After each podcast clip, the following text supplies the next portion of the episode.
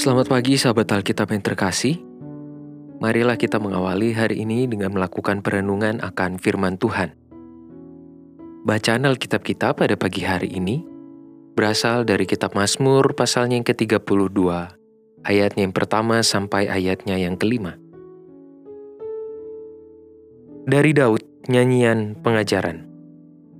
Berbahagialah orang yang diampuni pelanggarannya, yang dosanya ditutupi. Berbahagialah manusia yang kesalahannya tidak diperhitungkan Tuhan dan yang tidak berjiwa penipu. Selama aku berdiam diri, tulang-tulangku menjadi lesu karena aku mengeluh sepanjang hari. Sebab siang malam tanganmu menekan aku dengan berat.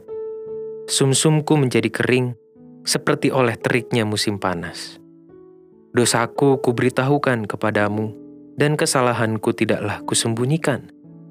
Aku berkata, Aku akan mengaku kepada Tuhan pelanggaran-pelanggaranku, dan engkau mengampuni kesalahan karena dosaku. Mazmur 32 ini sekilas memberikan penekanan kepada tindakan pengakuan dosa manusia. Padahal inti utama atau peran utama yang ingin ditonjolkan oleh si pemazmur adalah Tuhan yang pengampun. Pengakuan dosa itu memanglah penting untuk dilakukan, karena dengan melakukannya berarti seorang manusia ibarat membuka pintu bagi masuknya anugerah dan kasih pengampunan Tuhan. Namun, sebuah pengakuan dosa tidak akan berarti jika Tuhan tidak memberikan kesempatan untuk manusia mengalami pengampunan darinya. Saking pentingnya pengampunan Tuhan atas diri seorang manusia, Pemasmur mengawali syairnya ini dengan sebuah deklarasi iman yang mengglorifikasikan hal tersebut.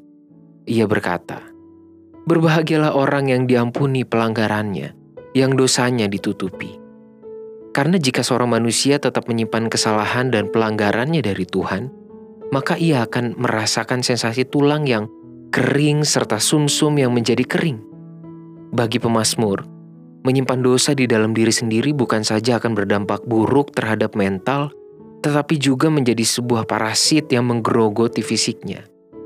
Sehingga ia tidak hanya akan mengalami kematian dalam semangat, tetapi juga fisik secara perlahan. Pemasmur menyadari bahwa seorang manusia tidak semestinya hidup dalam kondisi yang demikian hanya karena ketidakmauannya untuk mengakui dosa di hadapan Tuhan. Sungguh sebuah hal yang sia-sia jika manusia tetap menahan dosa itu, padahal Tuhan selalu menyediakan pengampunannya yang melegakan. Tuhan tidak pernah memperhitungkan kesalahan dari orang yang jujur untuk mengakui kesalahan di hadapannya.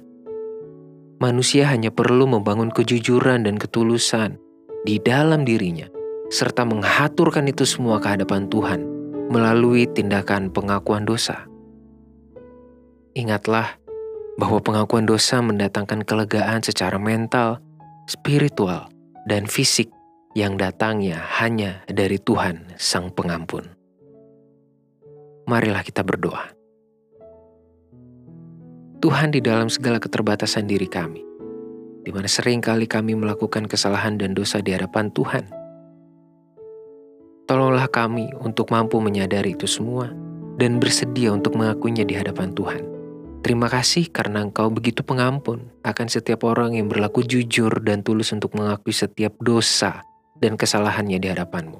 Dan biarlah kami menjadi salah satu dari orang yang tulus dan jujur untuk mengakui segala kesalahan kami di hadapan Tuhan.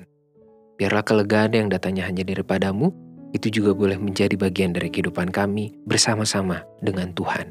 Hanya di dalam nama Tuhan kami Yesus Kristus kami berdoa dan bersyukur dan memohon. Amin.